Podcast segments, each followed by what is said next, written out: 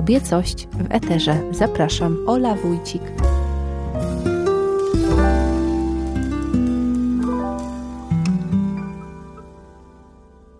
Moim gościem jest dzisiaj Karolina Ney, autorka bloga Rudej Gotowanie, organizatorka uczt kulinarnych, szef kreatywny Polsoja. Dzień dobry, Olu, bardzo Ci dziękuję za gościnę i za zaproszenie. Się okaże, czy jest za co dziękować. Ja na pewno dziękuję za to, co jest w tym pudełku, bo Wy tego nie widzicie, ale możecie usłyszeć mój zachwyt ciastem, które ma truskawki, kruszonkę i rabarbar. Dobrze tak, widzę? Tak, tak. Ale szkoda, że nie czują zapachu. Tak, zapach jest cudowny, bo to się przed chwilą upiekło. To się upiekło godzinkę temu. Wow. Może jest trochę ciepła jeszcze. A ty mówisz, że zawsze w gości przychodzisz z jedzeniem? E, bardzo często. Ludzie lubią mnie zapraszać. bardzo często. Właśnie z jakimś naręczem, z jakimś plackiem po prostu ja zobaczyłam gdzieś twój post dotyczący konfitury z czereśni i tak poczułam, że do rozmowy o kobiecości to będziesz idealna. Jest mi bardzo miło, tak, konfitura z czereśni zdecydowanie, z kardamonem. Ale to sezon jeszcze chyba za chwilę dopiero jeszcze na czereśnie. Już się pojawiają, ale takie wiesz, pierwsze za miliony monet. Więc za chwilę. No może to nie dla każdego jest oczywiste, poza takimi sformułowaniami typu kobiety do garów, do kuchni i tak dalej, ale ja takie czułe, tak myślę, podejście do gotowania wyniosłam z domu, bo to jest taki model, który lansowała gdzieś moja mama i babcia. Oczywiście mój tata i dziadek też potrafili gotować i tam mieli jakieś swoje dania popisowe. Natomiast mama i babcia dużo wagi przykładały do tego, co się je, jak się je i tak dalej. No i jestem ciekawa, czy jakoś podobnie było u ciebie. Mnie było dokładnie podobnie. Kobiety były w garach, przy garach, kobiety gościły i częstowały, aczkolwiek Mój tata też bardzo dobrze gotuje. I z tatą też spędziłam dużo czasu w kuchni, jak byłam nastolatką i dzieckiem. Także rodzice mnie nie przeganiali i pozwalali się artystycznie, że tak powiem, wyżywać przy garach. To jest właśnie ciekawe, że mówisz artystycznie, bo to takie codzienne gotowanie jakichś polskich zup, kotletów jest mało artystyczne. Ty mówisz tutaj jednak o sztuce w kuchni. Wiesz co, tak trochę wychodzę z założenia. U nas w domu rodzinnym nie było takiego typowego gotowania. To nie był kotlet i surówka, to też może miało związek z tym, że ja mało mięsa jadłam w dzieciństwie, bo go po prostu nie lubiłam. I to było takie kombinowanie. W czasach, kiedy może jeszcze to nie było tak do końca popularne, więc moi rodzice nieraz musieli się nagłowić tak naprawdę, żeby położyć na talerzu coś ciekawego, coś pysznego, coś, co by mi smakowało. To jakie smaki wyniosłaś takie z rodzinnego domu, te smaki dzieciństwa? Wczoraj był Dzień Dziecka, ja z siostrą tak. myśmy wspominały, że moja babcia robiła takie bułeczki z kapustą sujki, to ja zapamiętałam, mm. w prodiżu pieczone. Ekstra. A moja siostra wspominała chleb z masłem i z cukrem. Ekstra. Jak to było u ciebie? Wiesz co, u mnie przede wszystkim były placki. Placki we wszelkich odsłonach, naleśniki, drożdżowe ciasto, tak, racuchy. Racuchy drożdżowe. Moja mama robiła w takim zaczyn na ciasto robiła w takim metalowym garnuszku i on sobie rósł pod pierzynką. I to był ten smak właśnie dzieciństwa, drożdżowe i też placki właśnie. A ty te przepisy masz do dzisiaj? Używasz ich? Tak. Tak. Trochę na czuja, trochę intuicyjnie, trochę kombinuję, ale lubię. I też mieliśmy taką fajną panią sąsiadkę, która zawsze częstowała sąsiadów bułeczkami z cynamonem. Takie romantyczne i taki comfort food. Tak, zdecydowanie. To sprawiało bardzo dużo przyjemności. No i to przede wszystkim były smaki słodkie. Mi to w sumie zostało do dziś. Że takie słodkie to jest takie kojące i otulające. No, chociaż moja babcia to jest dziwne. Moja babcia robiła też racuchy ze śledziem.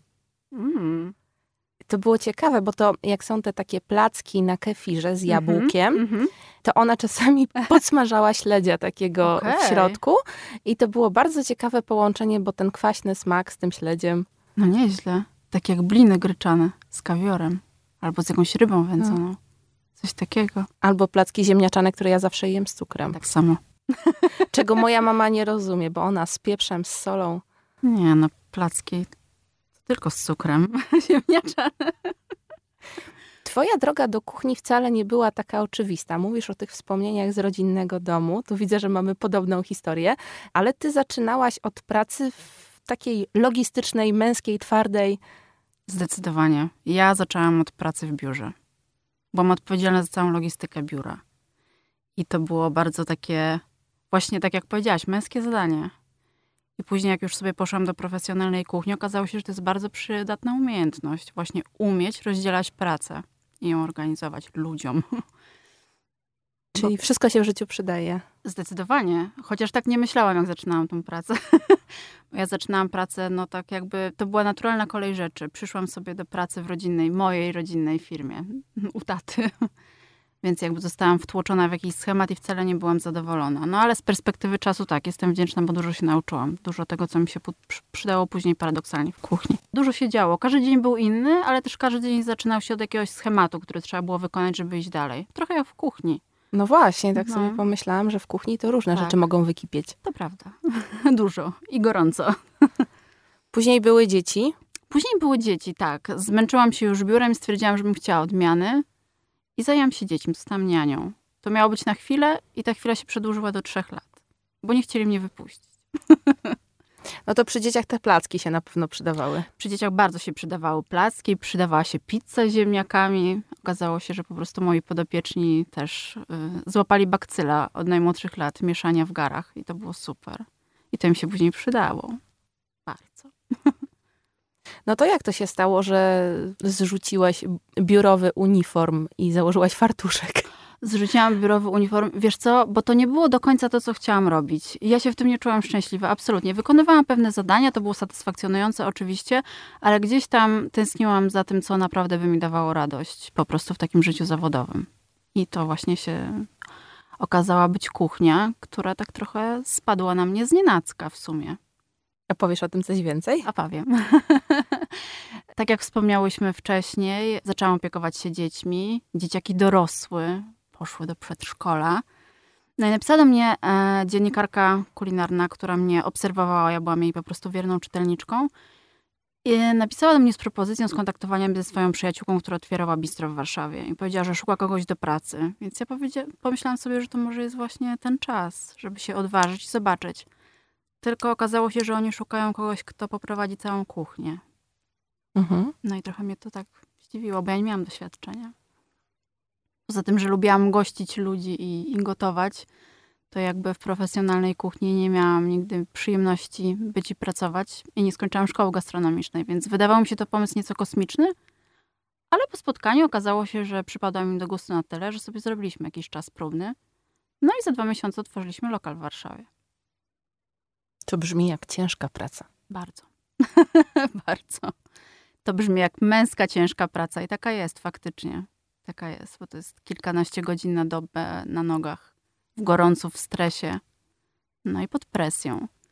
Więc to takie gotowanie, które ja miałam gdzieś tam z tyłu głowy, że to jest ten artyzm i w ogóle i to wspaniałe planowanie, owszem było, ale bardzo dużo właśnie zaplecza logistycznego, siedzenia w papierkach i planowania różnych rzeczy.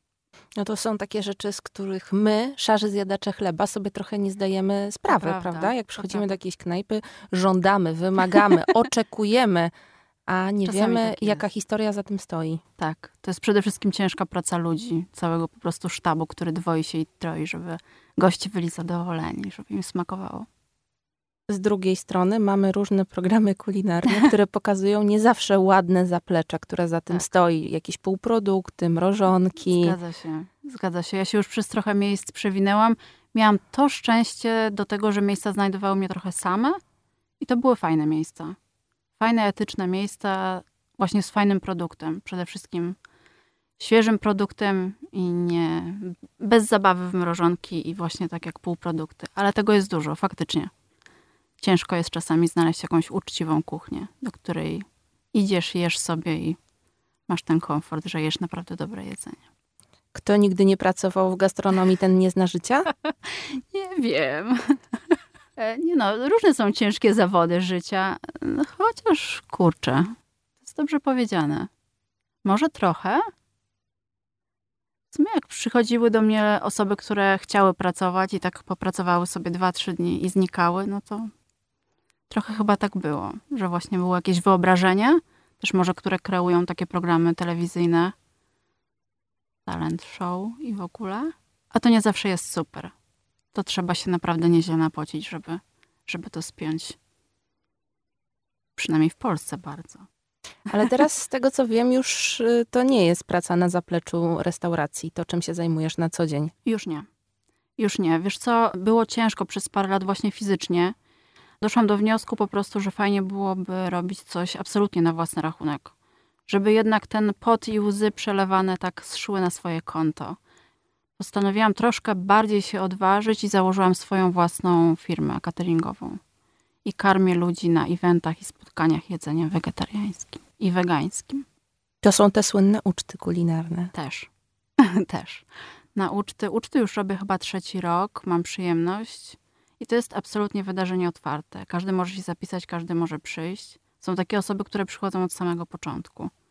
I jest dużo już przyjaźni i, i takich znajomości, które się ciągną. No bo ja zawsze mówię, że wspólny stół jednoczy. Bardzo.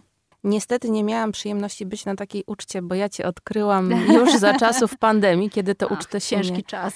nie odbywały. Tak. I moje pierwsze skojarzenie było takie, że uczty to organizowane były w historii przez różne wielkie postaci. Natomiast tu nie ma tego zaplecza historycznego. To są uczty królowej Karoliny. Ojej, jak mi miło. Coś, tak, wiesz, pięknie powiedziałaś, bardzo mi się to podoba.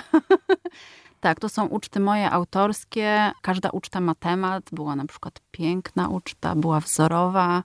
I zawsze bawię się jakimś takim motywem przewodnim. I przychodzą goście, są ugoszczeni jak najlepiej potrafię. Zawsze ktoś mi e, pomaga od takiego zaplecza właśnie opieki nad gośćmi. I oni czują się po prostu dowartościowani. To jest zupełnie coś innego, jak pójdziesz do restauracji, zjesz i sobie pójdziesz do domu. Siedzisz sobie 3-4 godziny w, po prostu w przemiłym towarzystwie. Czy tu można mówić o rodzaju takiego happeningu y, artystycznego trochę? Może trochę tak. Może trochę tak, bo zawsze z gośćmi sobie gadamy. Albo jak sztuka teatralna, tylko taka, której można skosztować. Troszkę tak. Opowiadamy, rozmawiamy. Miałam przyjemność robić irlandzką ucztę na przykład.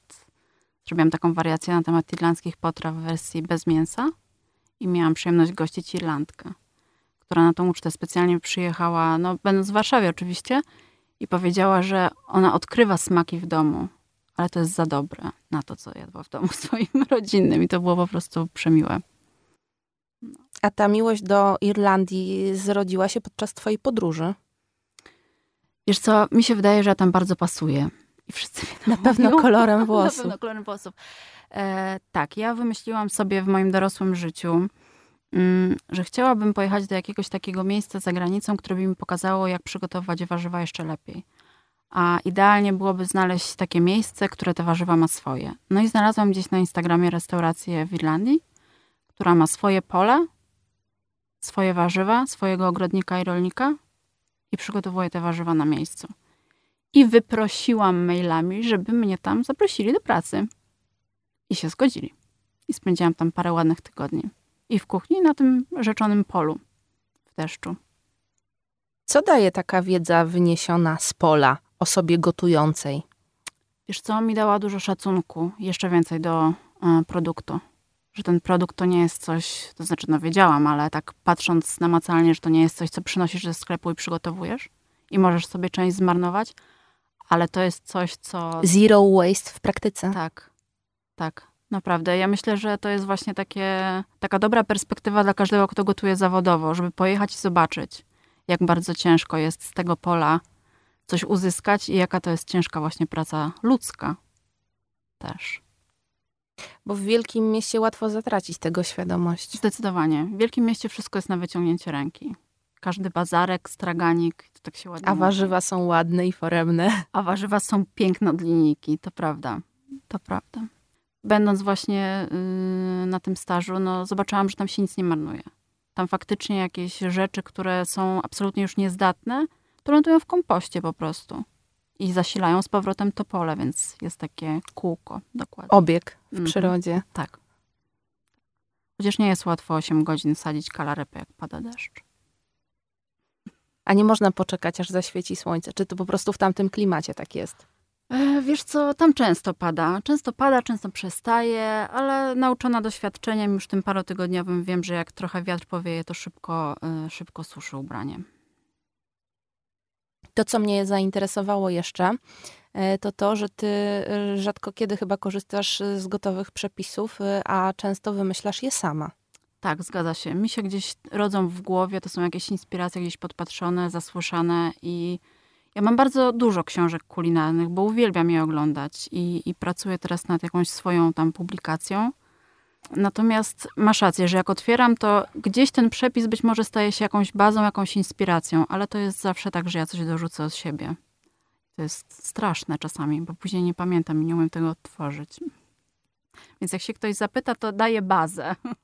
daję bazę do zabawy, no bo kuchnia to jest zabawa. No to też y, chyba taka sztuka wyczucia i takiej kulinarnej intuicji, bo do pewnego momentu trzeba się trzymać tych przepisów, żeby tak. Y, makowiec był makowcem, a nie Zgadza struclą się. z czymś tam. A później jak już wie się, jak to smakuje, to tak. można się bawić. Tak. No, ja musiałam zakupić wagę kuchenną, no bo troszeczkę eksperymentuję z chlebem, z bułeczkami, które w czasie pandemii piekę sąsiadom, więc jednak przy piekarnictwie czy cukiernictwie dobrze jest móc odmierzać te proporcje, ale masz rację, no kuchnia to jest intuicja, tak prawa, intuicja. No właśnie, powiedziałaś o pandemii. Myślisz, że ten czas coś zmienia w naszym myśleniu o jedzeniu, w tym, co jemy i jak myślimy o kuchni? Hmm, to jest dobre pytanie. E, wiesz co, y, u mnie zmienił tyle, że na pewno zwolniłam i na pewno jeszcze baczniej przyglądam się temu, co, co jemy. Mam nadzieję, że inni też mają taki czas trochę na refleksję i na przyjrzenie się temu, co faktycznie jemy, z czego korzystamy i z czego te produkty, skąd się one biorą. No ja ostatnio y, złapałam w kiosku, akurat w tygodniku powszechnym była Marta Dymek na okładce mhm. i tam jest cały artykuł o tym, że kuchnia może być narzędziem zmiany świata niemalże. Mhm. No, zwłaszcza chyba kuchnia wegańska, którą ty promujesz. Zgadza się, zgadza się. No, ja jestem ambasadorką kampanii Roślinnie Jemy gdzie też pokazujemy właśnie, że kuchnia wegańska, kuchnia roślinna to jest super takie pole manewru właśnie do eksperymentów i też właśnie pochylenie się nad tym, skąd bierzemy to jedzenie, tak? Jak, jak wygląda proces jego przygotowania, skąd te produkty pochodzą, bo to też jest bardzo ważne. My w tym biegu po prostu codziennym też zapominamy po prostu o tym, po prostu kupujemy ciach, a jak się tak zatrzymamy i tak przyjrzymy się bardziej, to to, to pewne rzeczy są takie bardziej klarowne i mogą być bardziej etyczne, powiedzmy, niż inne. A kto gotuje u ciebie w domu? Ja. Czyli w domu i w pracy. W domu i w pracy, tak. Ale mi to sprawia tak ogromną radość, że jakby nie rozdzielam aż tego. Ja właśnie spędzając czas w pracy, to jest dla mnie relaks, bo ja po prostu robię to, co kocham. I w moim przypadku absolutnie to, to nie są puste słowa, że ja nie czuję, jakbym pracowała. Pracuję wtedy, jak siedzę przy komputerze i muszę różne rzeczy spisywać. To wtedy mam takie poczucie, że robię. Czyli to jest prostu. historia po prostu o znalezieniu pasji i tak. swojego miejsca w życiu. Tak, tak. To jest historia o znalezieniu pasji i historia też chyba o przyciąganiu dobrej energii, bo ja mam wybitną po prostu, wybitne szczęście do przyciągania dobrej energii ludzkiej, jeżeli chodzi o życie zawodowe, naprawdę. To, co pierwsze przyszło mi do głowy, y, jak czytałam o tobie, jak sobie rozmawiałyśmy i o czym ci już wspominałam, to to, że sobie tak myślę, że jest pewna taka zmiana w tym, że kiedyś nas kobiety zaganiano do kuchni, do takiego bezdusznego trochę tłuczenia tych kotletów, przynajmniej ja tak to widzę. No a coś innego to jest bycie kreatorem smaków, wymyślanie przepisów, robienie to w taki sposób jak ty. Mhm. No kiedyś no, rola kobiety, tak? No to to jest opiekunka ogniska domowego, gospodyni. Trochę role się odwróciły. Z mężczyznami wykonujemy dużo męskich zawodów, między innymi kucharza, bo to jest bardzo męski jednak zawód zdominowany. Ale masz rację, że mm, teraz troszeczkę, troszeczkę to wygląda jakby z innej perspektywy. E, to, to, to, to, to jak jest. Tak sobie myślę właśnie, że kiedyś się tak z przymusu, ale teraz wiele moich sąsiadek też mówi, że e, nie znosi gotować, a muszą to robić bo im mąż każe. Albo oczekuje tego. Ale dużo się zmieniło. Mamy świat taki i taki, nie? Trochę sami go kreujemy. Tak. I ja powiedziałam o tym, co ja wyniosłam ze swojego domu i gdzieś po prostu ta mama gotująca obiad, a tata czasami bardziej pomagający mhm. w tym. Ale zobaczyłam właśnie później idąc do szkoły czy na studia, że mamy moich koleżanek niekoniecznie skupiały się na gotowaniu i to też jest okej. Okay. Mhm. I, I że gdzieś tam właśnie u moich koleżanek to na przykład facet gotuje i mhm. to, to się tak fajnie wszystko przenika. Czyli mamy taką dowolność, że możemy sobie wybierać. Tak jest, tak jest. No, u mnie ja gotuję z racji tego, że... Yy No jestem więcej w domu i więcej w domu logistycznie ogarniam pewne sprawy. Mam więcej czasu po prostu, chociaż kurczę, gotujemy w sumie też wspólnie. Tylko, że właśnie, jak ja się za coś wezmę, to już tak podchodzę też zadaniowo, logistycznie, że czasami już tak wszystko jest gotowe i zrobione. Muszę coś e, pomyśleć na ten temat, żeby może troszeczkę zwolnić. To, to może w takim razie partner zmywa? Zmywa zmywarka. O, najlepiej, najlepszy przyjaciel. Tak, to jest najlepszy przyjaciel, taki ekonomiczny i szybki, dokładny. Jak ciebie słucham i myślę, to tutaj znajduje swój wyraz ta maksyma, że przez żołądek do serca. Trochę tak, trochę tak. Jednoczący stół i dobre smaki. Tak jest, potwierdzam. No pod warunkiem, że robi się to z taką pasją jak ty. Myślę, że coraz więcej ludzi odkrywa taką pasję w sobie do gotowania. Właśnie tak jak powiedziałaś, kiedy to nie jest przymus, to odnajduje się taką przyjemność w tym. I to tak po prostu wychodzi. Tylko trzeba sobie pozwolić na to.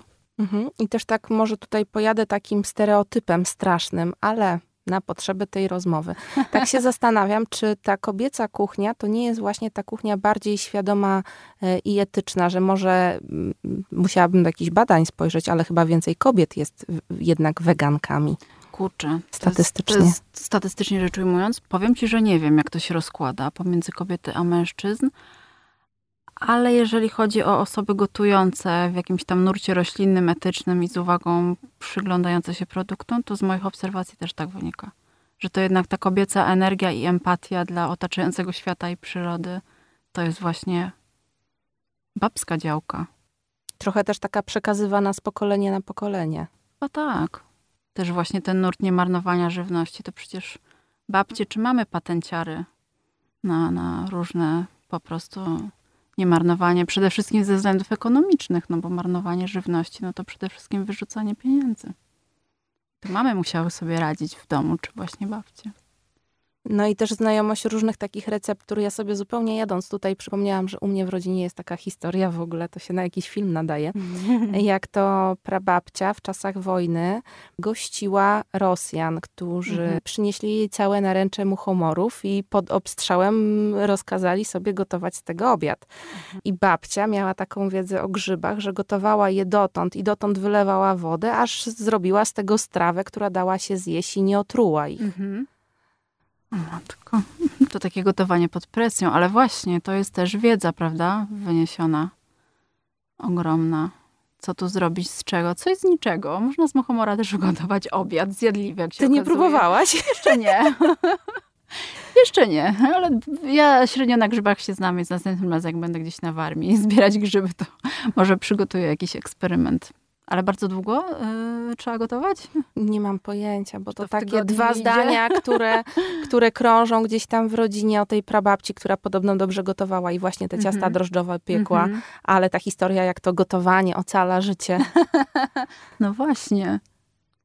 Wspaniale, wspaniała historia warto pielęgnować, ale spróbuj się dowiedzieć, ile to czasu. Może ktoś pamięta, może są jakieś zapiski. A ty masz jakieś zaklęcia kulinarne? No bo to się mówi o jakichś y, miłosnych eliksirach, które można sporządzać z lubczyku, czy z czegoś takiego, czy, czy jakieś takie tajemnice, że, że wiesz, jak tam podkręcić różne rzeczy wiesz dzięki swojej kuchni? Tajemnic takich może nie będę zdradzać, ale lubczyku faktycznie do zupy dodaję dużo, bo ja tak lubię, jak smakuje i tak pachnie. taki bulion warzywny to tak jak taki dobry, esencjonalny właśnie z lubczykiem. Patencik. Wiesz co, dużo używam e, soli na przykład do deserów. O. E, kiedy e, potrawy wytrawne mało sole, bo mało używam soli, to w deserach po prostu tak dla podkręcenia słodkiego smaku, szczególnie jak czekolada, jest jakieś praliny z takimi płatkami soli, to, to czasami nawet Aż mi że nadużywam. To następnym razem zrobię, nie ma problemu. Ja bym się dała pokroić zasolony karmel na przykład. No, to jest oj. mój smak. Tak, zdecydowanie. Lody o smaku solonego karmelu. To jest wszystko takie bardzo zmysłowe, prawda? Jest. Taka kuchnia. Jest, jest. To prawda. I to rzeczywiście można tam szukać jakichś afrodyzjaków. A można się doszukiwać tych zaklęć. Koniecznie musisz na moją ucztę przyjść. Będzie mi bardzo miło cię gościć.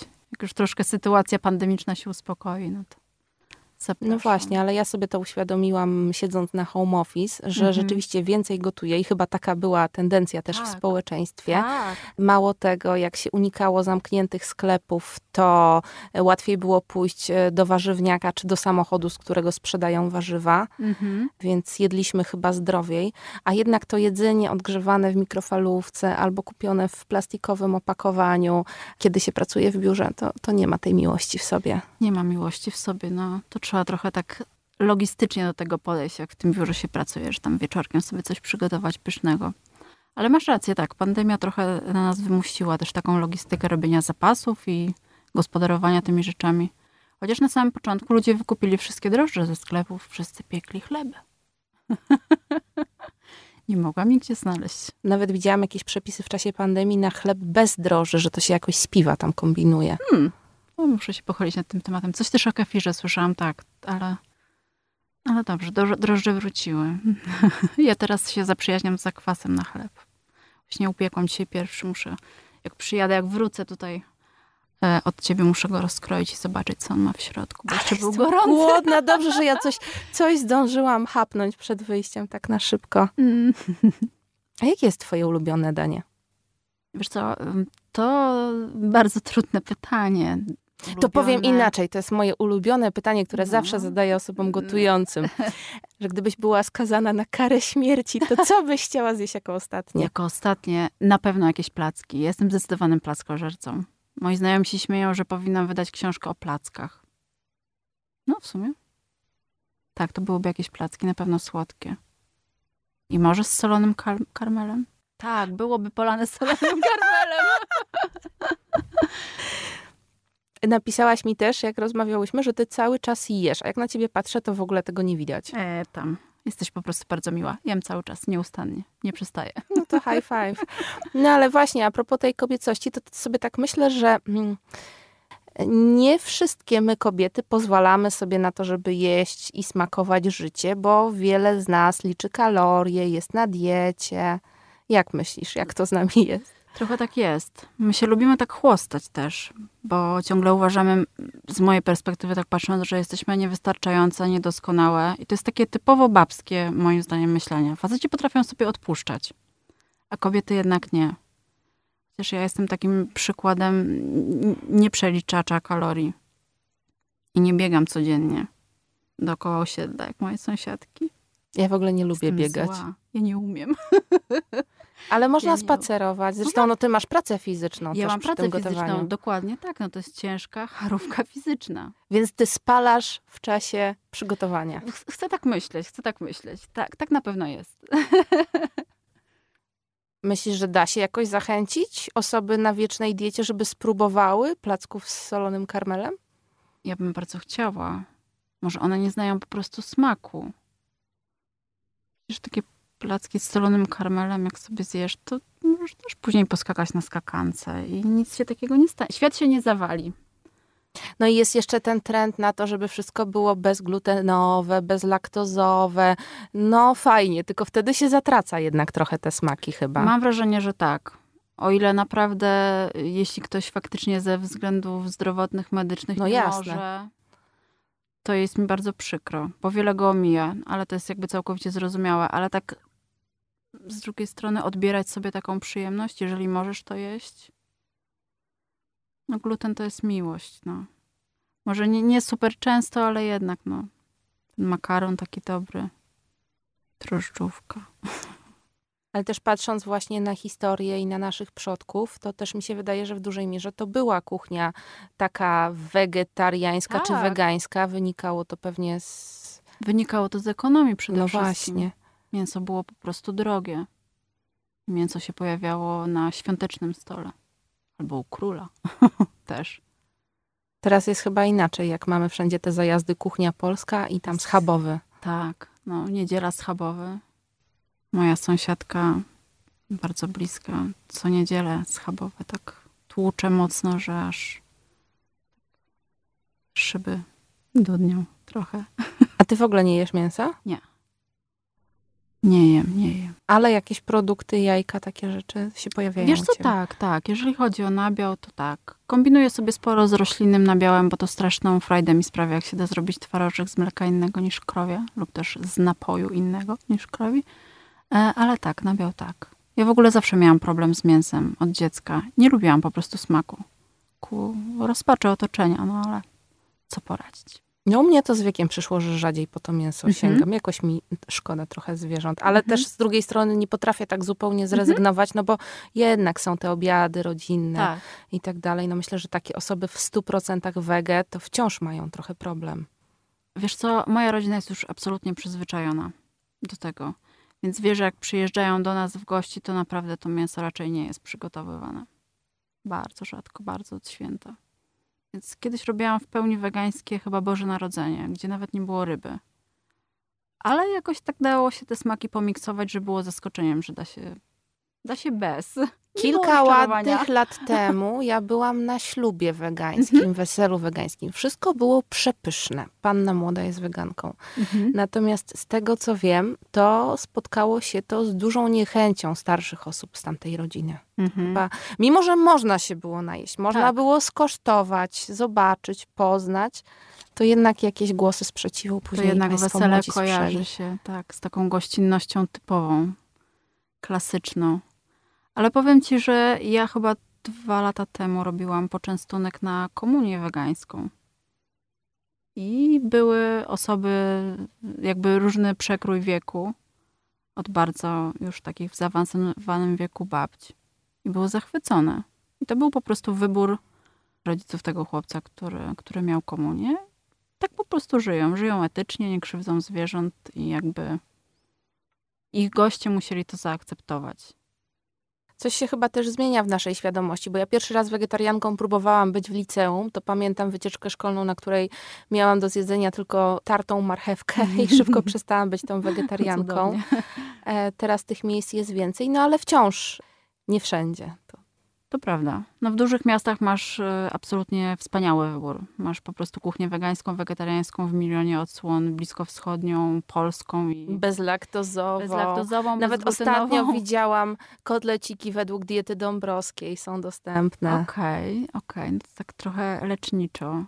Wiesz co, ja jednak lubię comfort food, więc jak ktoś tak mówi o, o jedzeniu wegańskim w kontekście takim totalnie bez, bez, bez i zdrowym, to nie jest moja bajka. Ja wychodzę jednak z założenia, że jedzenie musi sprawiać przyjemność. Że właśnie na tym to polega. No ale to wtedy musimy zdjąć z siebie rzeczywiście ten pręgierz liczenia kalorii, codziennego Tak. ważenia się i sprawdzania, czy mam 60 w talii, czy może już 61.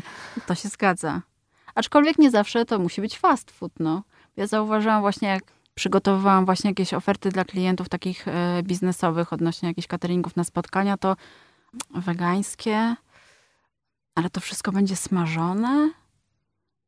No nie, bo to tak czasami się kojarzy, że właśnie takie dwa bieguny, że albo super zdrowe, takie fit, że listek sałaty i, i listek sałaty i na tym poprzestańmy, albo właśnie po drugiej stronie, że to musi być taki fast food siermiężny, konkretny, smażony.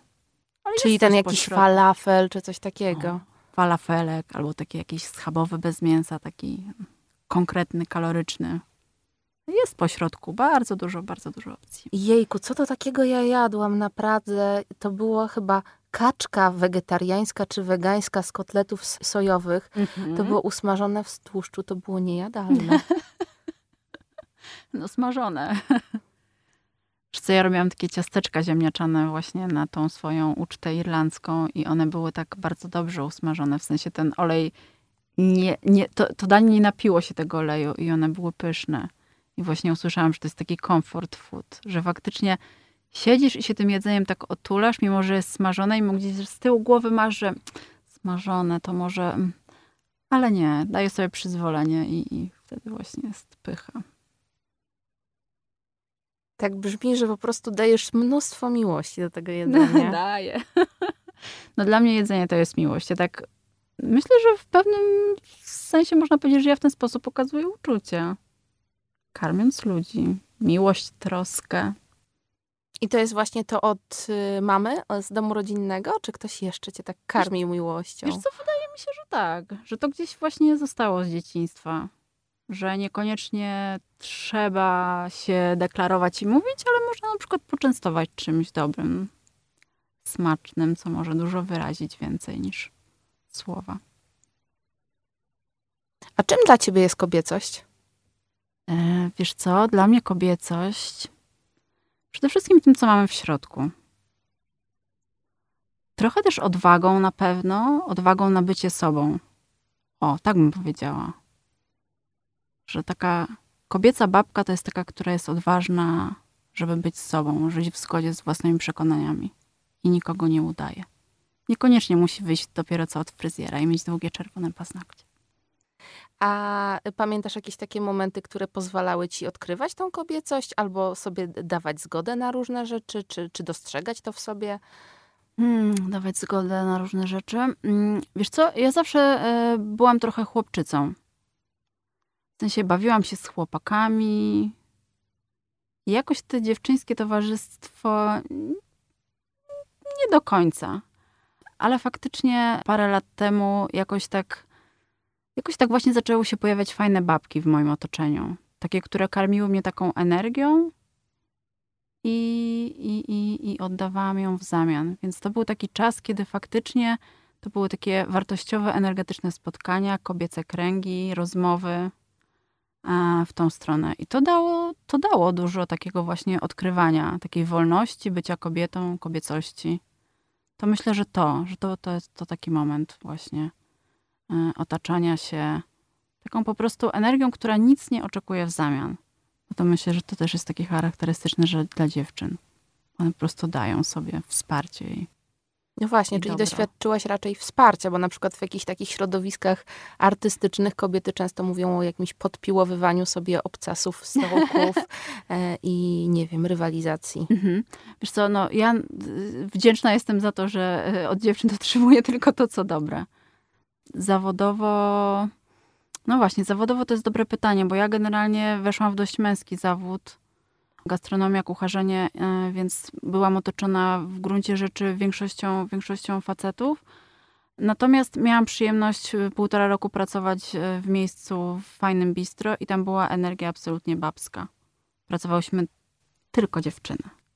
Więc to było absolutnie już do znudzenia. Po półtora roku stwierdziłyśmy, że fajnie jakby przyszedł jakiś chłopak do pracy, bo ta energia by się tak równoważyła.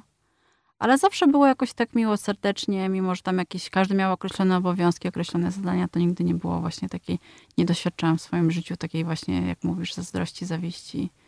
Ale to duży przeskok, jak e, mówisz, że e, na początku było to raczej męskie środowisko tak, w biurze e, tak. i raczej udowadnianie, że nie jesteś jakąś tam głupią lalunią, czy coś takiego. No tak, tak, bo współpracowałam przede wszystkim z mężczyznami starszymi od siebie, więc tak patrzyli trochę z przymrużeniem oka, że tatuś posadził na biurku przy krzesełku i a tu się okazuje, że jednak ten ktoś na krzesełku coś potrafi. I tak dużo od tego kogoś zależy, jakby cała odpowiedzialność tej pracy.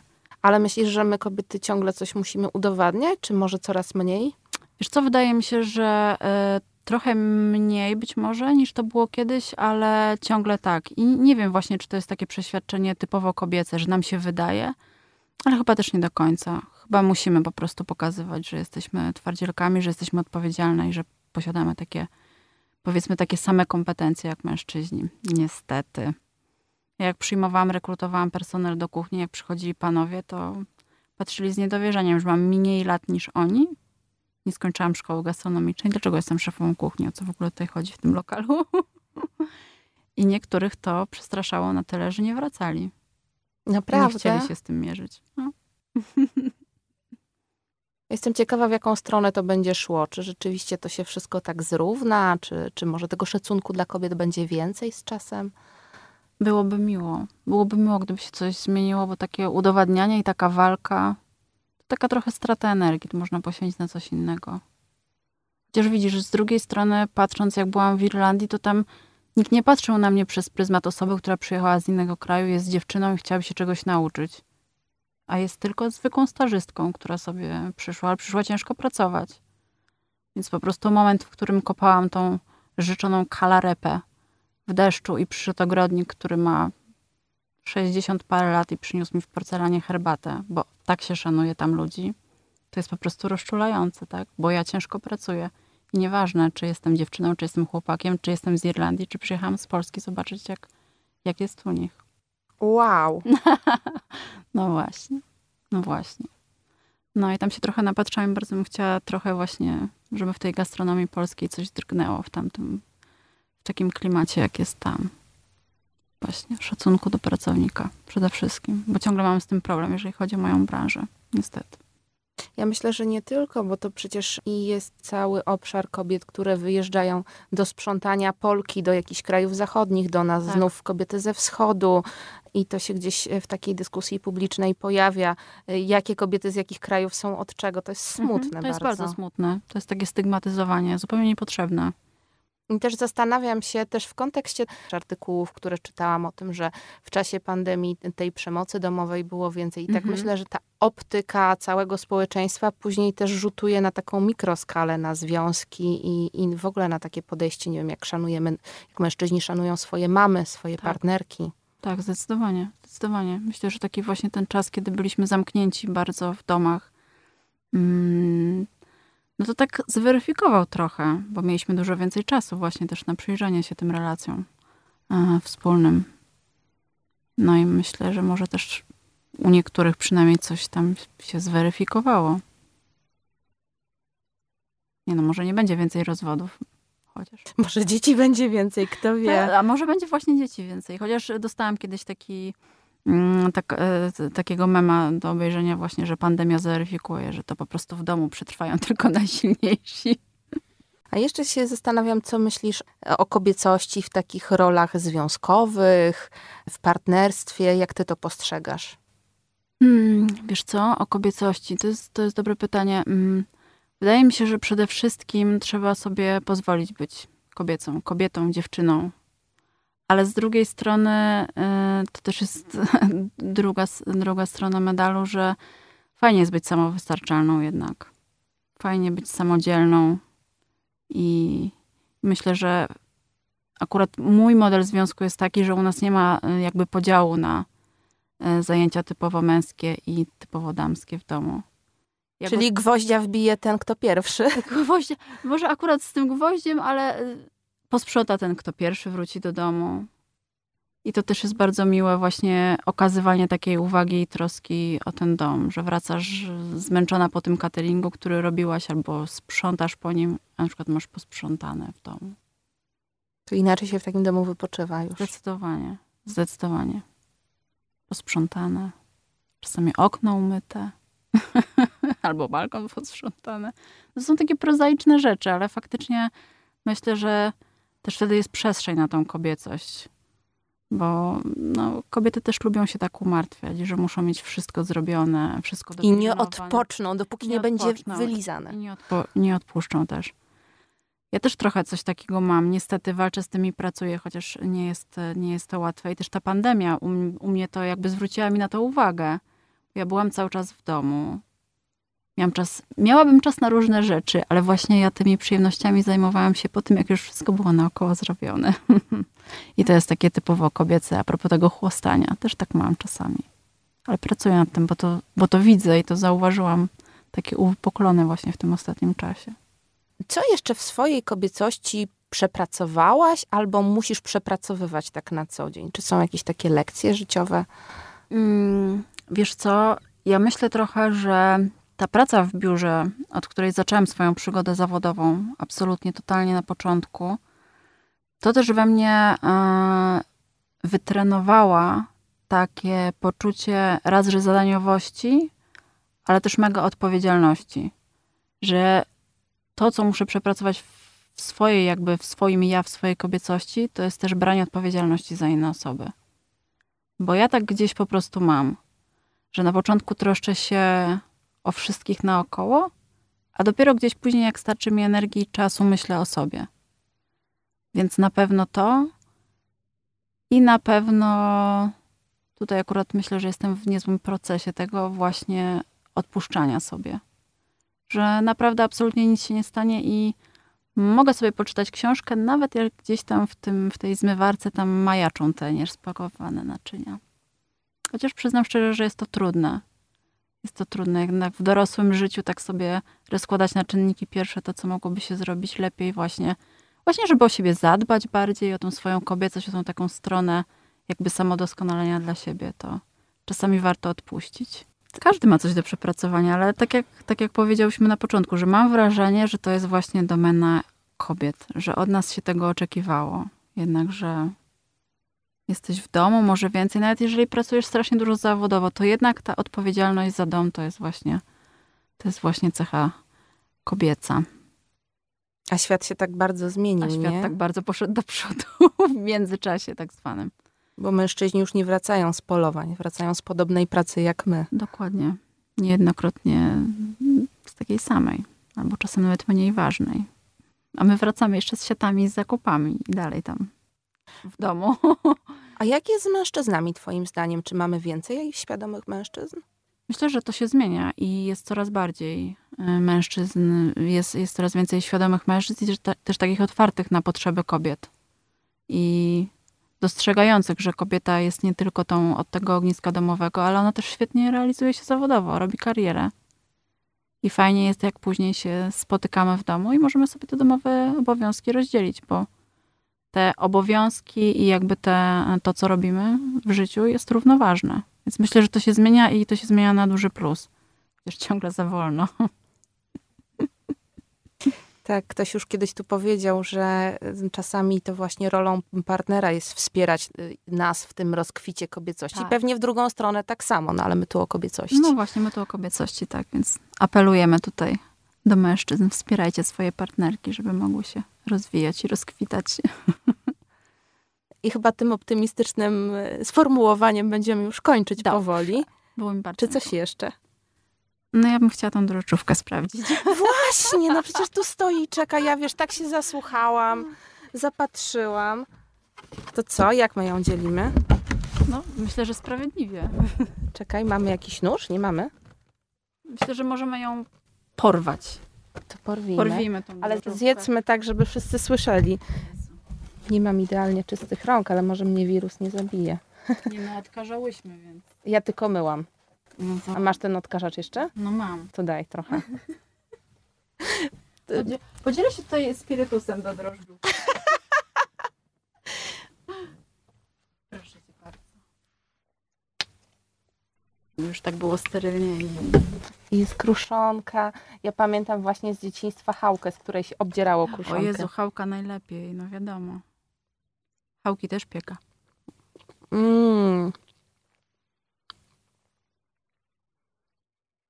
To jest lato. Truskawki rabarbar, to jest lato. Ale kruszonkę robisz z innego ciasta. Mhm. To czuję od razu. Kruszynka z innego. Mhm. Jest w niej trochę soli. Też czuję. Do. Też czuję. I nie jest przesłodzone. No to dobrze, to się cieszę. Nie, za słodkie desery są bez sensu.